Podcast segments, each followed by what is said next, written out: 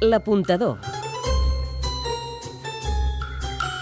Les estrenes de teatre amb Pep Vila. Aquesta setmana a la Sala Villarroel un viatge polític i també emocional. L'atropellament massiu de la Rambla. Aquests dies he estat llegint molts articles perquè Us sembla bé reviure ara l'escena teatral aquells dies de setembre i octubre del 2017 a Catalunya? Així ho fa alguns dies d'ahir. Estrena, com dèiem, a la Sala Villarroel.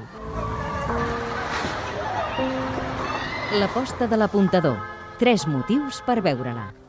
Necessitarem molts voluntaris de cara a l'11 de setembre. El primer, Per la història, que centra en com una família viu aquells dies, en les converses que tenen sobre els fets i com miren d'entendre's en diferents punts de vista davant d'aquells fets i aquelles emocions. Déu-n'hi-do, Déu-n'hi-do. el segon, Perquè recordar és tornar a viure i sobretot per reflexionar i veure com ens va quedar el cos aleshores i com el tenim pocs anys després. Molaria dur-la l'1 d'octubre, sí o no? El tercer, Sens dubte, per tots els que hi ha al darrere, la dramatúrgia l'escriu Jordi Casanovas, dirigeix Ferran Utzet, i interpreten Míriam Iscla, Abel Folk, Marta Ossó i Francesc Cuellar. Són tota una garantia. Hola, sóc Pere Arquilloé i és l'apuntador qui us ho recomana. Doncs estrena destacada de la setmana, però és que les altres, déu nhi eh?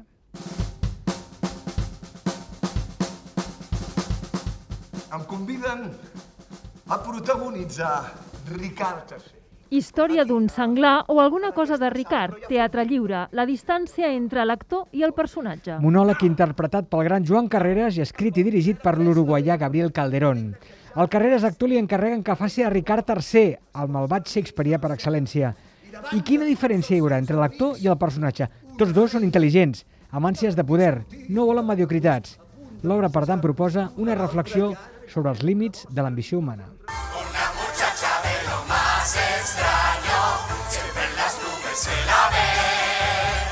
La Bella i la Bèstia, el musical Teatre Polo, torna un clàssic. Una adaptació d'aquest musical universal a càrrec de la companyia Barbarie Teatro, un espectacle familiar i recomanat per totes les edats a partir dels dos anys. Pregunto si estamos atados. ¿Atados? Atados. ¿Cómo atados? Atados de pie. Esperando a Godot, Teatre Goya, que no, que no ve. Vladimir o Didi i Estragon o Gogó l'esperen infructuosament, però almenys passen el temps conversant o discutint fins que arriba el cruel Pozzo i el seu criat a qui porta lligat del coll. Una versió del clàssic de Beckett amb noms tan coneguts de l'escena i el cinema com Alberto Jiménez i Pepe Villuela.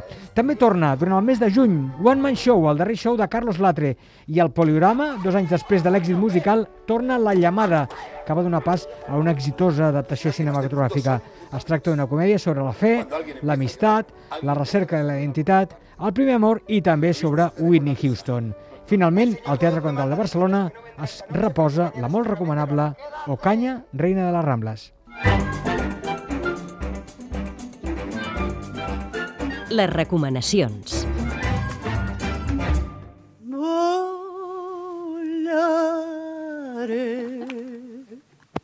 Oh, cantaré. I només jo vaig escapar-ne, Teatre Lliure, apocalíptica, quina por. Tres amigues parlen de les seves coses i l'arribada d'una quarta la sacseja, perquè parla dels mals i els perills del segle XXI. El millor. Sembla que les tres amigues tinguin una conversa banal, però en el fons amaguen les seves pors. I l'arribada de la senyora Jarrett les activa. Ràbia, ràbia, ràbia, exclamen. El pitjor. En aquest cas, la durada, però a l'inrevés, és que només dura una hora i ens quedem, la veritat, amb ganes d'una mica més. Un moment per recordar. Aquest que sentiu, Montse Alcanyiz, Vicky Penya, Lourdes Barba i Imma Colomer cantant i ballant. Es deixen anar i el públic ho agraeix. En definitiva, Una obra recomanable que deixa que cadascú la vagi desgranant, traient-ne capes, i alhora és premonitòria. La va escriure la dramaturga Carol Churchill el 2016, i aleshores ja parlava d'una pandèmia. Això, el que deia, mama, quina por. l'apuntador. Les estrenes de teatre amb Pep Vila.